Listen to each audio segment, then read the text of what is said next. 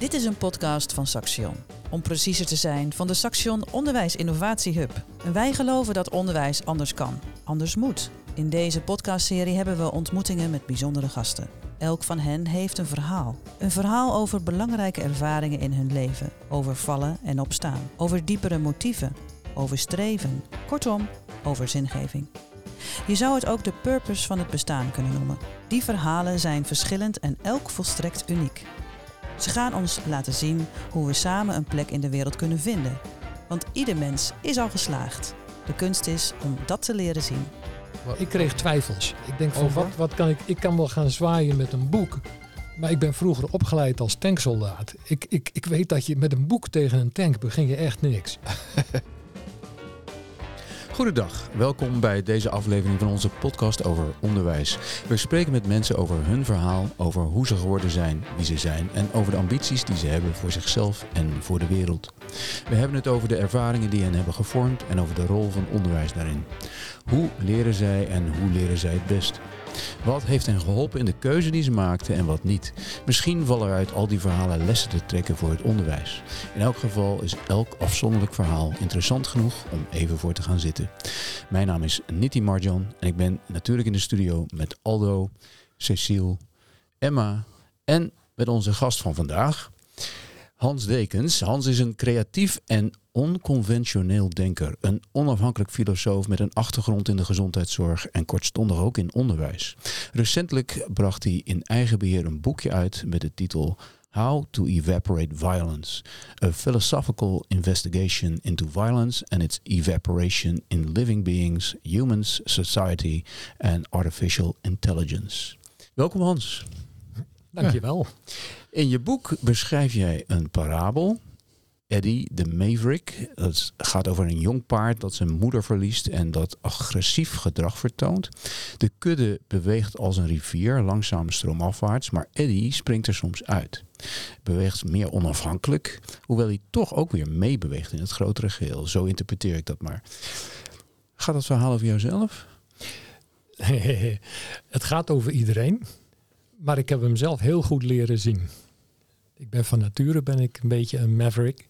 Ik, mijn herinneringen gaan heel vroeg terug. Van mijn tweede, derde jaar kan ik me heel veel dingen herinneren. En toen was ik altijd al op onderzoek uit. En elke dag werd ik wakker. Eh, eigenlijk heel blij. Van wat gaan we vandaag weer beleven? Dat, ik kwam graag mijn bed uit om, om weer dingen te beleven, te ontdekken. En dan ging je op onderzoek uit. Dan sprong je eruit en dan ging je op zoek. Ik nieuwe dingen doen, nieuwe dingen zoeken, me verbazen, me verwonderen. Dus dat is mijn, eh, mijn, mijn vroegste herinneringen gaan ook daarover. En, en weet je nog waar je over verbaasde en verwonderde? Nou ja, het, het- het begint heel kinderlijk. Eh, we hadden in onze huiskamer vroeger een, een, een, een kast staan en die steunde op twee leeuwenkoppen. Daarmee stond hij op de grond. Dat waren de poten en er was een, een leeuwenbek met, eh, met, met drie gaten erin. En eh, daar kon je je vinger in steken en dan kwam hij aan de andere kant uit. En eh, als kleuter, een peuter, had, stak ik mijn vingertjes daarin. En dan was Levensgevaarlijk. stom verbaasd. Ja, die leeuwenkoppen waren een beetje eng natuurlijk. Maar dan was ik stom verbaasd dat, dat mijn pinktop en mijn vingertop was weg. En aan de andere kant verscheen die weer. Dat weet jij nog. Ja, wij vinden dat heel logisch. Maar ik weet dat je dat als, eh, als, als peuter... Het is echt een ontdekking dat die Ik, ik kon nog niet praten, dus dat was lastig om dat te delen. Ja. Maar- Grote verdwijntruc, maar dan niet. ja, maar hij Ja. kwam ook Hij weer kwam weer terug. Dat was voor mij echt een ontdekking. Ja. En eh, ja, dat soort herinneringen neem ik met me mee. En, en dat, dat is eigenlijk alleen, dat, tot op de dag van vandaag sta ik eigenlijk altijd zo op. En ga ik ook op zoek naar dingen om te beleven. En, en Het manipuleren van leeuwenkop is nooit verdwenen. Dat blijf je doen. leeuwenko- nee, met leeuwenkoppen heb ik verder niet zoveel. Nee. Maar eh, nieuwe dingen wel. ja, ja. Ja. Oké. Hey, en verwon- verwonderen als aangeboren kwaliteit? Of eh, Aangeboren en verworven. Ja. Ik ben een enorme maverick, eh, omdat eh, dat, dat heeft mijn geschiedenis meegebracht. Toen ik negen jaar was, zijn mijn ouders verongelukt. Dus toen was ik echt een maverick. mhm, mhm. Ik, eh, ik, ik ging ook overal shoppen om eh, de, de, de zorg en de nabijheid en, en de, de mogelijkheid tot ontwikkeling te vinden. die, eh, die, die je nodig hebt op die leeftijd. Hoe oud was je, zei je? Negen. Negen. Dus je moest al heel, heel jong een soort doe-het-zelver worden, zeg maar. Ja, dat was ik ook bewust. Ja, echt. echt eh, was ik ook bewust. Ik, eh, ik was na een tijdje, toen, eh, toen de eerste mist opgetrokken was, na een jaar of zo, toen dacht ik van, nou moet ik mezelf opvoeden. Ja. En daar heb ik wel hulp bij gehad, maar ik was me er heel bewust van dat ik, eh, dat ik eh, zelf ehm, mijn weg moest vormen. Oh, dus dan oh. was ik een maverick. En dat, eh, mijn omgeving die kon er ook wel van mee genieten, ja. Ja. Mavericks proberen van alles. Die moeten dat ook. Ik moest dat ook. Eh, om mezelf te ontwikkelen. Ik Ja. nam dat erg serieus. Eh, En Mavericks lopen ook vaak tegen de lamp omdat ze iets proberen wat finaal mislukt.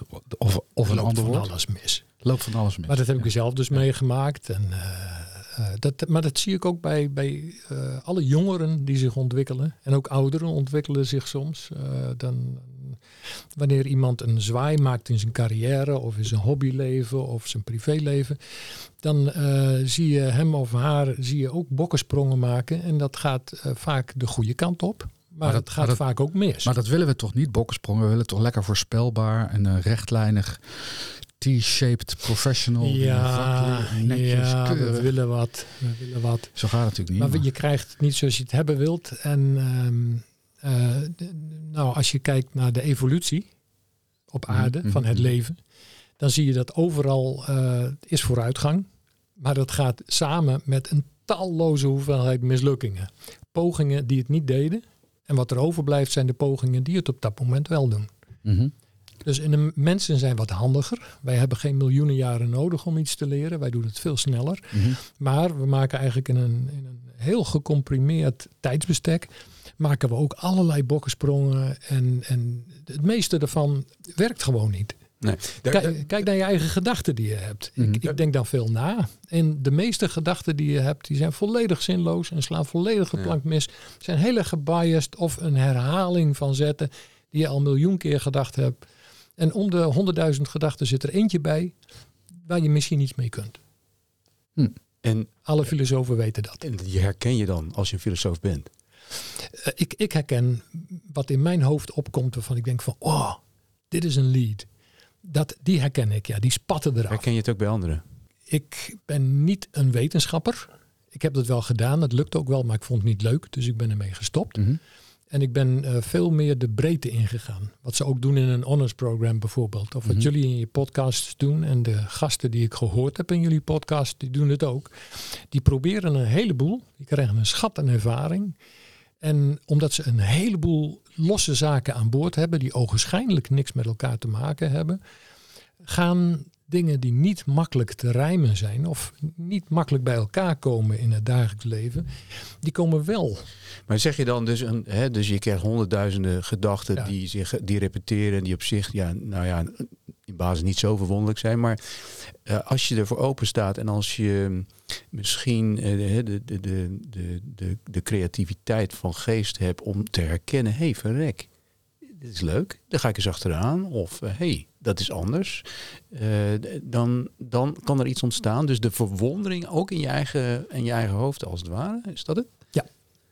Ja, de verwondering. Verwondering, dat is een heel apart fenomeen trouwens. Ver- Verwondering, dat betekent dat zonder dat je het begrijpt, dat er een soort eh, focus, een soort verbazing, een soort nieuwsgierigheid naar meer ontstaat. Het is alsof je langs een restaurant loopt en het ruikt heel lekker, maar je weet niet wat het is en je gaat naar binnen. En is dat, is dat een gerichte nieuwsgierigheid? Dus kan je aangeven waar die naartoe gaat? Waar ben je nieuwsgierig naar? Bij mij is het heel automatisch. Ik herken het op een bepaald moment en pas achteraf weet ik waarom. En je kan ook niet aan de voorkant zeggen van het gaat altijd over dit Nee, of dat. Er zijn bepaalde thema's, maar dat zijn er bij mij een, eh, dat, dat zijn er veel. Ik, ben niet voor niets uitgekomen. Ook ik was bezig met geweld, maar ik ben uiteindelijk sterk uitgekomen op AI, omdat Mhm. dat mijn pad kruiste en dat was al- ook bingo. Ja. Hier moet ik iets mee. Ja, En eh, toen ben ik daarin gedoken en ik ben ook op andere dingen uitgekomen dan, ehm, dan eh, wat je ziet in YouTube-filmpjes. En Nou, over die thema's eh, komen we nader te spreken. Je noemt er een aantal in je boek. En, en dat, dat boek dat heeft ook een titel waar geweld in zit. Hè? Dus daar, daar ko- komen we op terug.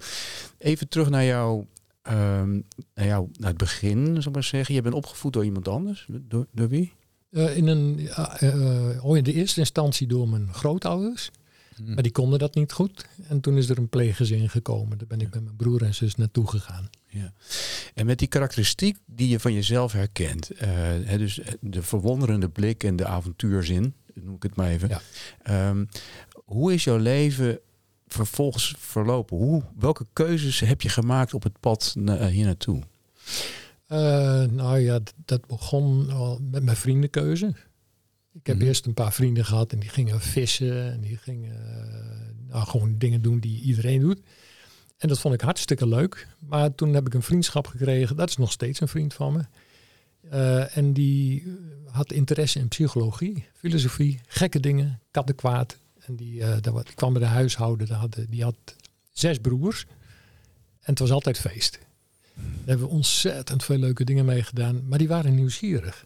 En die experimenteerden veel. Dus daar ben Mhm. ik toen aangehaakt en dat is nooit meer overgegaan. Jij herkende dat en jij voelde, Ja. daar, daar, kan ik, daar kan ik ook mijn ei kwijt, daar kan ik iets. Ja, ja, de manier van praten, de manier van humor, de manier van nieuwsgierigheid. Dat is nestgeur. Dat, herken, dat herkende ik. Hier wil ik zijn. En wat voor gekke dingen hebben jullie eh, uitgevroten? Nou ja, het meest gekke wat we gedaan hebben. We elk weekend haalden we kattenkwaad uit. Maar het meest gekke wat we gedaan hadden is dat eh, die, eh, een van die jongens die had een band. En die noemde zichzelf Blue Mountain. En toen was de buren daarvan, die woonden in het huis daarnaast. En die, die zoon die was drummer en die hadden ook maar een band opgericht. En die noemde zich Blue Mountain. Dat pikten we niet.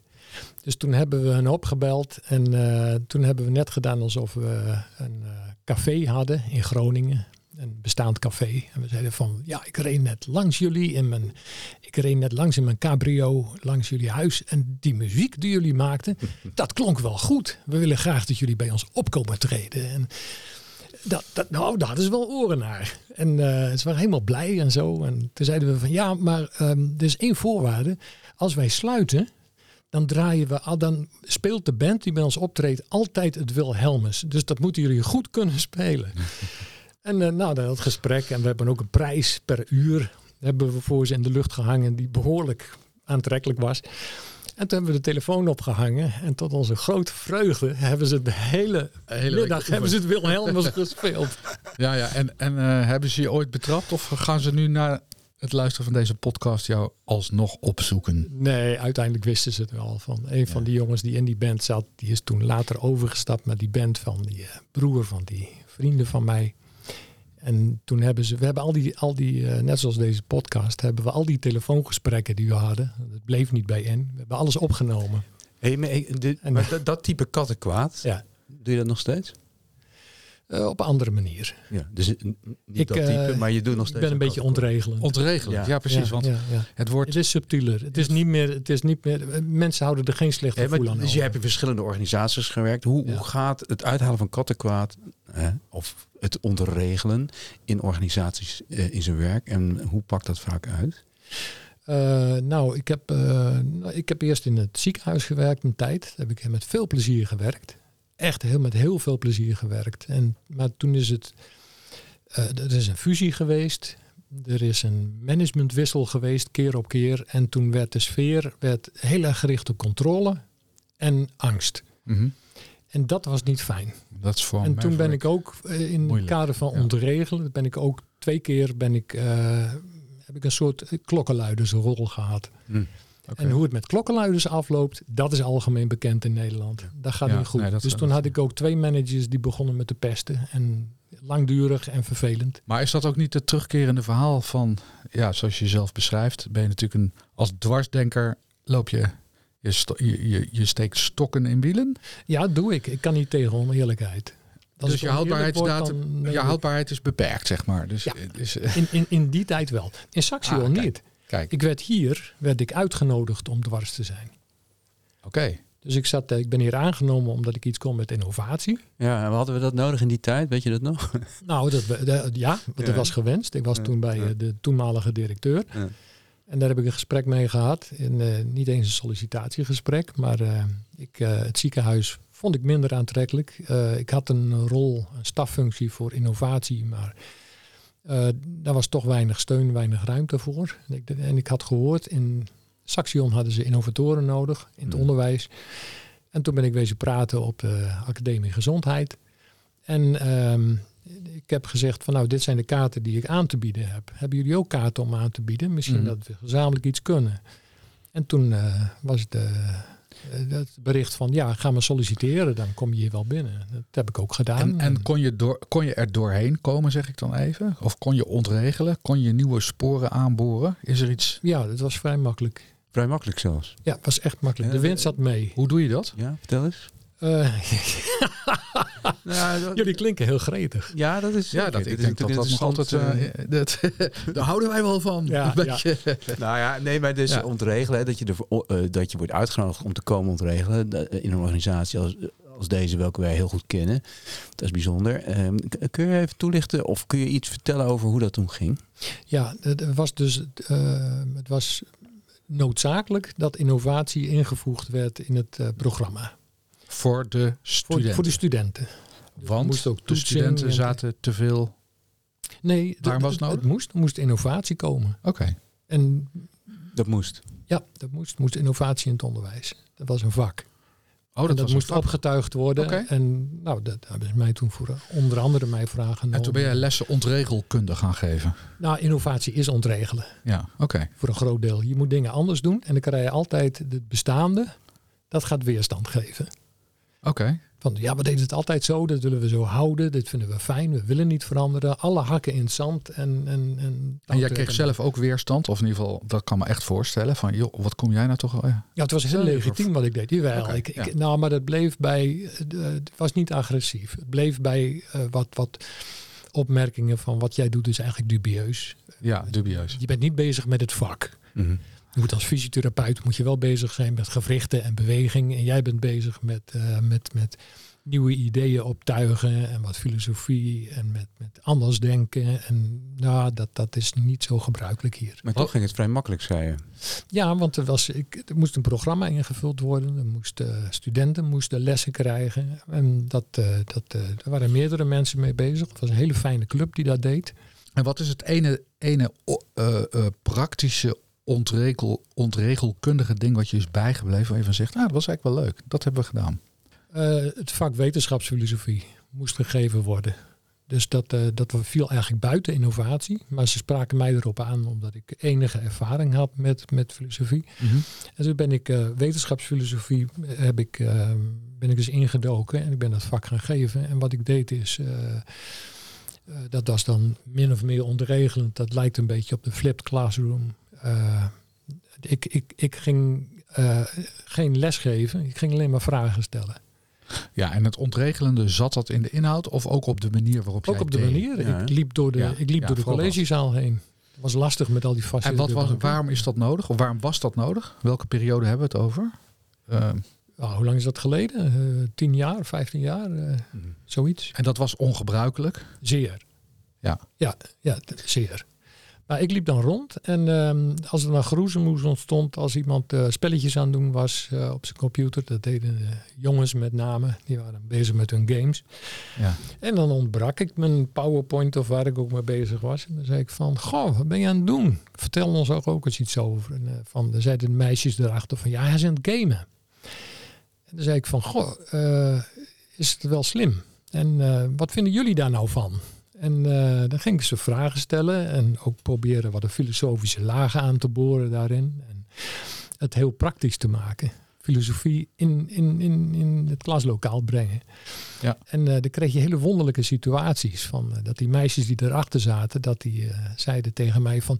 Ja, k- kun u nou verder gaan met de les? Want hij zit bijna bij zijn volgende level. Dus dat was natuurlijk hilarisch. En, eh, Ja, ja. ja, maar daar ging ik dan toch op in. En kreeg je ze dan goed mee? En, en, en leren ze daaruit? En wat leren ze dan? Nou, het, het was heel wisselend. Eh, na zo'n les kreeg ik soms, eh, dan hoorde ik een paar weggaan en die zeiden van nou ik ben blij dat dit voorbij is. Maar er kwamen soms ook, het waren vaker de dames dan de heren, die kwamen naar me toe en die zeiden van ehm, is dit ook vastgelegd? Kan ik dit nog een keer bekijken? Want ik heb hier iets aan. Ja. En wat hadden ze eraan? Zetten ze aan tot nadenken. Ze leerden nadenken en ze vonden het echt eh, behulpzaam voor zichzelf. En niet zozeer voor, ehm, voor, voor hun lessen en hun cijfers, maar wel voor hun, ja, wat ze in Duitsland Bildung noemen. Het is Voor hun interessant eigen hè, dat, ontwikkeling. dat we dan een ontregelaar van buiten halen. En die brengt dan teweeg dat mensen gaan nadenken Ja. in een school. Ja. ja, dat moet je niet te vaak doen in de school. Hè. Je moet eigenlijk gewoon doen wat ze vragen. En vooral niet nadenken, zoiets. Nou, dat dat Nou, ik klinkt heb- wat cynisch. eh. Oh, Ah, dat mag wel. er is in een van jullie vorige podcasts is ook gerefereerd aan eh, Ken Robinson. ja. Eh, de how, to, oh, how School Kills Creativity. maar is dat jouw beeld van scholen? Dat, dat, Ik herkende heel erg wat Ken Robinson toen zei. Ja, heel erg. Komen ze ook nog op terug. Ja. Ik wil even naar jouw eh, boek. Het boek gaat over geweld. Althans, hè, dat zit in de titel, zei ik al. Ehm, en het ontstaan ervan, eh, maar ook eh, dat het kan verdampen. Ehm, Ja. Heb ik goed begrepen dat geweld een onvermijdelijk aspect is van samenleven? Dat geweld zit in de natuur van mensen, dieren. Oftewel, geweld is onvermijdelijk, maar mensen ja, weten er geen maat op te zetten. Heb ik dat goed geïnterpreteerd? Volgens mij heb je heel goed gelezen. Eh, het verdampen van geweld. Ik ben erop gekomen doordat ik ben eerst begonnen. Dat is vijf jaar geleden bijna. Toen heb ik op eh, oudejaarsdag gezegd van ik ga nu, ik, ik, ik, ik werk niet meer. Dus ik heb de tijd aan mezelf. Ik zeg van ik ga nu één jaar besteden aan het verminderen van wapens in de wereld. In ieder geval kijken of ik één of twee nieuwe dingen kan zeggen over wapengeweld. mhm. En, eh, want ik heb niet de ambitie dat ik het kan oplossen. En er is ook al heel veel over gezegd en gedaan. Dus ik wilde een nieuw gezichtspunt. Hm. Dat was mijn doel. En hoe kom je bij dat onderwerp? Oh, dat heb ik in de middelbare school ben ik daar al op een gegeven moment tijdens een wiskundeles of zo. Toen verveelde ik me. En toen ben ik eens gaan kijken voor mezelf hoeveel manieren ik kon opschrijven waardoor een conflict ontstaat. Maar geweld Daar komt het dus, vandaan. Daar is het geboren. was Ja. toen al een thema voor jou? Ja, ja, ja, geweld is altijd een thema geweest voor En mij. toch even, de, Ja. toch even die vraag, waar komt dat dan vandaan? Eh, verwondering. Ik, ik herinner me, toen was ik vijf. En toen woonde ik op de Veluwe. En dat was in ons buurtje. We woonden op flats. En tussen was allemaal zand en dennen. En er was een jongen.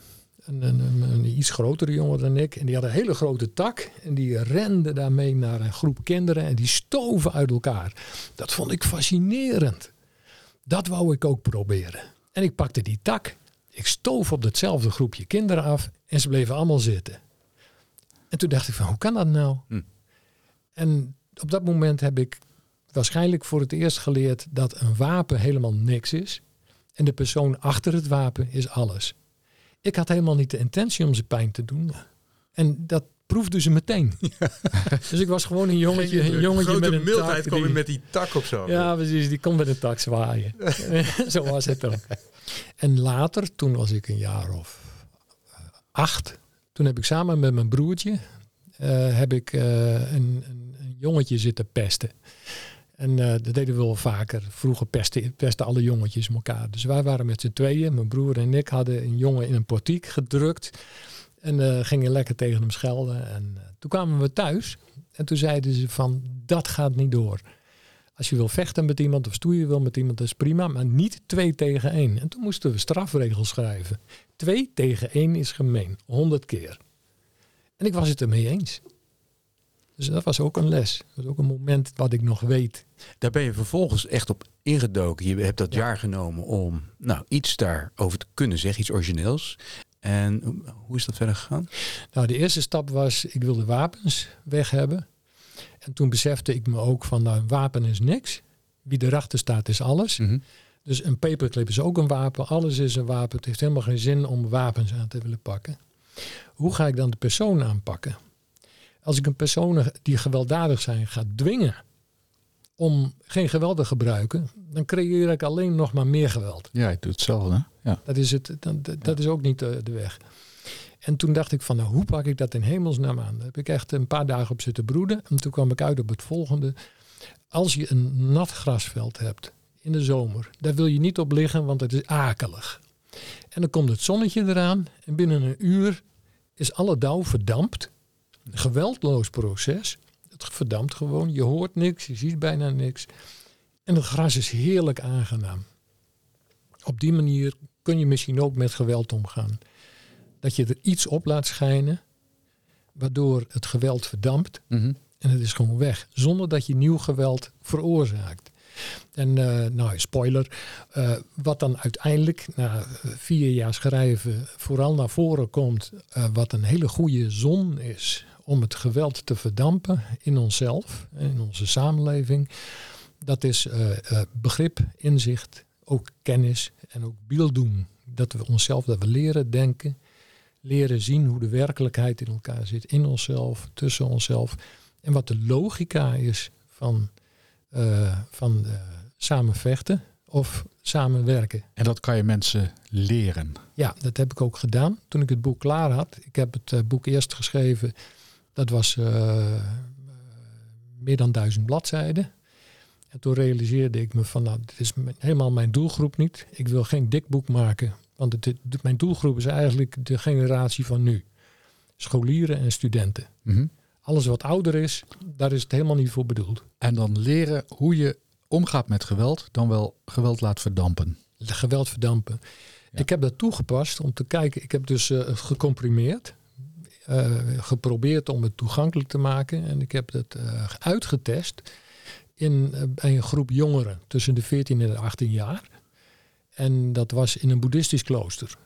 Daar heb ik een groep jongeren begeleid en gekeken of zij dit kunnen begrijpen. En ook, zaten die jongens daar al of hebben ze daar naartoe gebracht? Die waren er met hun ouders. Dus, maar dat is dan misschien wel een specifieke populatie die al in een boeddhistisch klooster gingen zijn. Het zijn jongeren. Die trekken ze nergens wat van aan. Okay.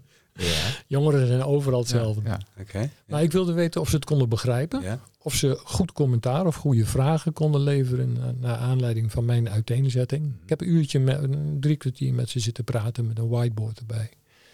En ze vonden het geweldig. Ze vonden het heel fijn. En uh, ze gaven ook goed commentaar. En, uh, toen had ik een indruk. Het is natuurlijk wat jij zegt. Het is maar één moment waarop je dat geprobeerd hebt. Maar uh, mijn indruk was dat het kon. Ja, het is in die zin empirisch. Je, um, je probeert, je doet. Uh, en uh, je kijkt of het werkt. Hè? Uh, je, ja. je, je gebruikt denk ik heel bewust ook geen bronnen, of nauwelijks bronnen, nee. in je boek. Dat is omdat ik, ik, ik was op, op jacht naar originaliteit. Ik wilde een nieuw perspectief openen. En als je dan bronnen ingaat, of je gaat allemaal kennis opdiepen, dan ga je meer van hetzelfde maken. Dus ik heb drieënhalf jaar heb ik geen enkele bron gebruikt. Ik heb alleen maar geschreven. Ik heb er ook niet over gepraat.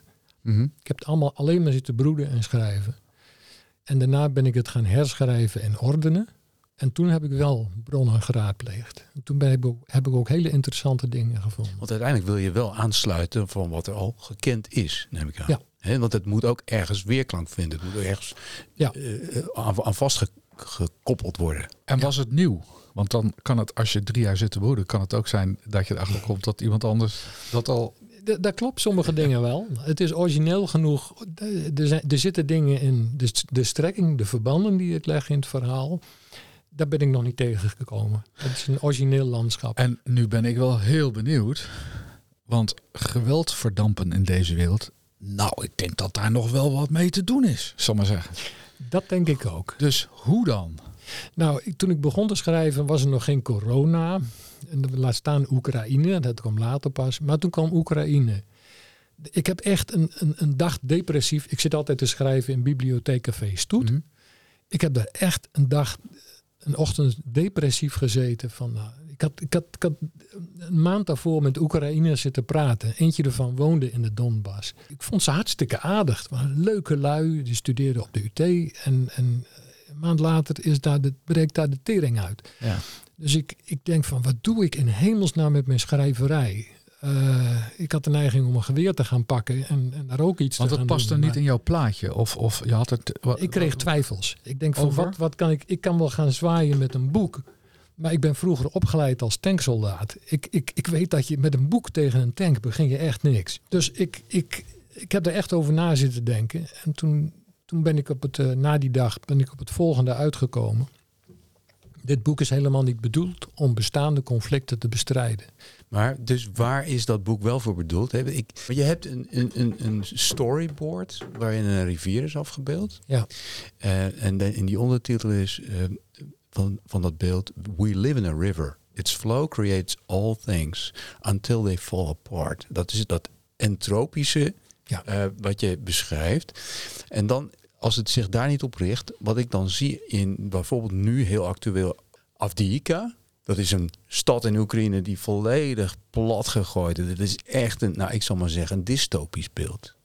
Dat lijkt op totaal excessief geweld. Kan entropie leiden tot dystopie op die manier? Tot dystopie. Nou, tot een dystopisch Ja. beeld. Zoals we dat van Af- Avdiivka kennen. Ja, als je vanuit de kosmologie bekijkt, is, is, is entropie vanuit menselijk perspectief natuurlijk één grote dystopie. Ja. Het eindigt allemaal in een soort hele dunne, verdampte protonenmassa die nog miljarden, miljarden jaren bestaat. En een grote leegte waar niks kan. Hoe dystopisch wil je het hebben? Maar gelukkig leven wij niet zo lang. En in ons tijdsbesef of in tijdsbes, tijdsbestek van de mensheid eh, gaat er een heleboel kapot. Maar vanuit de kapotte onderdelen groeit er weer iets nieuws. Ook vanuit die kapotte stad, daar zal weer iets nieuws uit voortkomen. En het is ook bekend ehm, Dat is dat toch heel moeilijk in ramp, nee, in rampgebieden van vulkanen, aardbevingen, tsunamis, daar heb je bevolkingen die leven in risicogebied.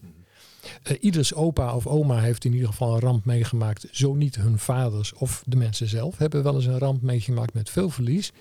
En die mensen, de, de, de, de cultuur en de, de, de, de sfeer in, in, in die gemeenschappen is meestal heel optimistisch.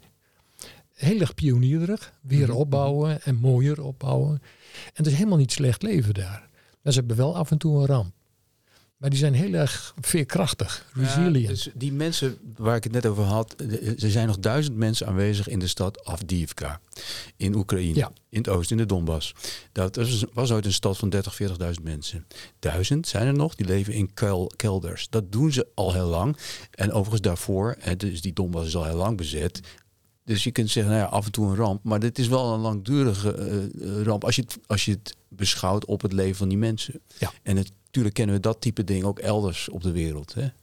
Je, je kunt de, de gebieden noemen waar dat, waar dat eh, type ellende zich voordoet. Het is heel moeilijk voor te stellen, denk ik. Terwijl tegelijkertijd zit daar een soort van hoop onder bij die mensen. Om daar, daar weer iets nieuws uit te zien bloeien. En dat is wat je eigenlijk. Is dat eigenlijk wat je wel wil beschrijven in je boek? Ik weet dat dat er is. Je weet dat. Mm. het is. In mijn boek beschrijf ik het niet. Mhm. Het is de fase die, waar mijn boek ook helemaal geen invloed op heeft. Het is een beetje wat Yuval Harari laatst zei. Eh, hij heeft gezegd in een interview met eh, Japanse of Koreaanse eh, radio. Hij zei van ehm, verwacht niet van ons dat wij nu begrip kunnen opbrengen voor Palestijnen. Verwacht niet van de Palestijnen dat zij nu begrip op kunnen brengen voor ons. Wij hebben zoveel pijn. Er is geen ruimte meer voor de ander. En toen zei hij iets wat mij heel erg raakte. Mhm. Hij zei, eh, ik vraag aan jullie om die ruimte die wij hebben voor de ander te bewaren totdat wij hem ook weer kunnen gebruiken. Mhm. Dat is een hele boeddhistische uitspraak eigenlijk. Enorm veel mededogen zit erin. Dus hij zegt van, ik kan op dit moment niet, er is gewoon geen ruimte om na te denken over de Palestijnen. Maar ik wil het in de toekomst wel doen. Het is een hoopvolle boodschap. Ik denk dat dat soort boodschappen ook geldt voor dat zo'n verwoest dorp waar nog mensen in de krochten leven en een bestaan hebben van niks. Misschien helemaal geen hoop meer hebben. Wij moeten hun hoop bewaren als zij hem niet meer hebben. En wij moeten het teruggeven aan hun wanneer ze weer ruimte hebben voor hoop. Ja. En je, en je zei, het boek gaat eigenlijk helemaal niet over het oplossen van problemen. Nee. Maar jij zit daar aan vooraf, mag ik het zo zeggen? En daarna. En daarna. Ik, heb Dus- hier, ehm, eh, ik- kan het wel even citeren, want dat zegt Ja. veel. Dat, is, ehm, dat heb ik ook geconcludeerd toen ik aan het eind van mijn depressieve ochtend eh, concludeerde wat ik met de oorlog in Oekraïne moest. En er is een film geweest. eh, daar werd gezegd: All wars begin long before the first shot is fired and continue long after the last bullet has done its job. Dus dat beschrijft al dat een oorlog heeft een enorme lange uitloop, Ja, ja. aanloop, Aanloop, voordat het ja. begint. In die aanloop kun je alles. Dan heb je alle ruimte om het te voorkomen of Mhm, mhm. om er zo mee om te gaan dat je niet door de hel heen moet, maar gewoon door een moeilijke periode. ook na een oorlog, als alles kapot en verwoest is, valt er zoveel te doen en te repareren. En, en nu zitten wij hier vanuit het onderwijs. En met de grote vraag van, nou ja, we zien, we zien al, die, al die ontwikkelingen, zeg maar, die ellende om ons heen. Jij schrijft over geweld. Wat staat ons te doen met jonge mensen op dit moment? Op dit vlak? Ja, dat, daar heb ik wat uh, over genoteerd. Een van de belangrijkste dingen om mensen te leren, dat is weer een stukje van die bildung, oftewel algemene vorming van een student, van een mens, wat voor vak je ook hebt, mm -hmm. wat je ook doet. Uh, dat, ik, ik grijp terug naar de uh, filosofische waarden uit Griekenland en daarvoor. En een van de kernwaarden uit ons originele waardensysteem is uh, eigenlijk die knop die hierop staat. Het is een volumeregelaar. Ja, ja. En de volumeregelaar, hoe zorg ik dat ik mezelf kan dimmen? Dat is een van de belangrijke dingen. Dat kun je in het onderwijs ja, dus leren. De, dus, de, ja, dus, dus de sleutel is het ego remmen, dimmen, hoe je het noemt, aan die knop draaien en zorgen dat je jezelf niet te groot maakt. Het is een, een van de dingen. Een van, een van de kernwaarden is. En hoe doen we dat in een wereld waarin iedereen op sociale media en aan alle kanten door reclames en noem maar op, van die beelden krijgt hoe het allemaal hoort en hoe het moet en hoe groot het allemaal kan worden? Hoe doe je dat?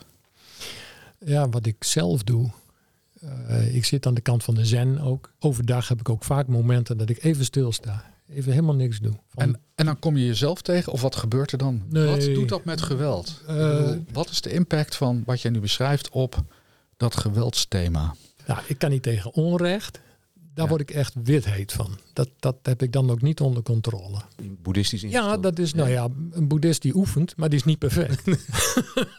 hey, nog even terug naar het onderwijs. Ja. Uh, jij zei, nou, we hebben een volumeknop, hè, dus uh, dat is stilte, uh, ja. terug. Heb je nog meer? Ja, uh, samenwerking en reflectie. Uh, wanneer je, dat is een van de dingen die ik ook geleerd heb tijdens filosofie. Ook erg tijdens mijn verblijf in, uh, in het klooster van Thich Nhat Hanh. Wanneer je inzicht krijgt, wanneer je snapt hoe de wereld in elkaar zit, hoe een mens in elkaar zit, welke reacties wij hebben, wat onze emoties met ons doen, hoe wij met elkaar omgaan en Mhm. wat onze potentie is. Mm.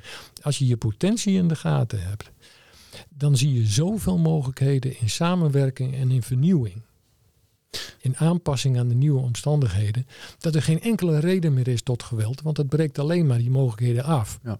Nou, nou, Geweld, dus- de, de, de, de reden tot geweld verdwijnt. ja. Re- reflectie, dat is een eh, typisch iets wat toch nu in het onderwijs dieper wordt ingebouwd. Je kent het ook. Ja. Wat is er? Wat kun je ons nog meegeven aan wat nog niet gebeurt, waarvan je zegt, ja, dat moet je echt gaan doen. ik heb één sessie gehad in het honors program. Eh, daar ben ik met de studenten, ben ik, heb ik eerst een geleide meditatie gedaan om ze wakker te maken wat voor beelden zij hebben bij bepaalde thema's. Dat waren thema's, die waren, die waren gericht op de eigen ontwikkeling, ook de belemmeringen die erin kunnen zitten en ook de, het potentieel wat je vrij kunt maken. Ehm, daar heb ik ze dus eh, een beeld voor ogen ge- laten toveren. En vervolgens ben ik in groepjes, zijn we die beelden gaan schilderen. Dat weet jij nog wel. Ja, ik weet het. En er zijn een vijftal schilderijen aangekomen. Ze, ze eruit hangen er nog, gekomen. Hans. Zijn ze er? Ja, ze ik dacht dat ze verdwenen Ja, waren. ja, ja. Ah, goed zo. Ja. Ehm, en eh, ze vonden dat heel onwennig, maar ze keken er heel goed op terug. Ja. Ze weten het ook nog steeds, En, denk en ik. dus, wat, wat is daar de kracht van? Eh, nou, je bent creatief bezig en je gaat niet dingen brengen aan mensen. Je gaat geen dingen aanleren, maar je gaat iets wakker maken in mensen. Je stopt er niet iets in. Je maakt ruimte om er iets uit te laten komen. En dat is hoog reflectief. Gaaf. Daarmee zetten we een punt. Prima. Dankjewel. Dankjewel. Ja. Dankjewel. Dit was een productie van de Saxion Onderwijs Innovatie Hub. Heb je ideeën of wil je weten wat we allemaal doen?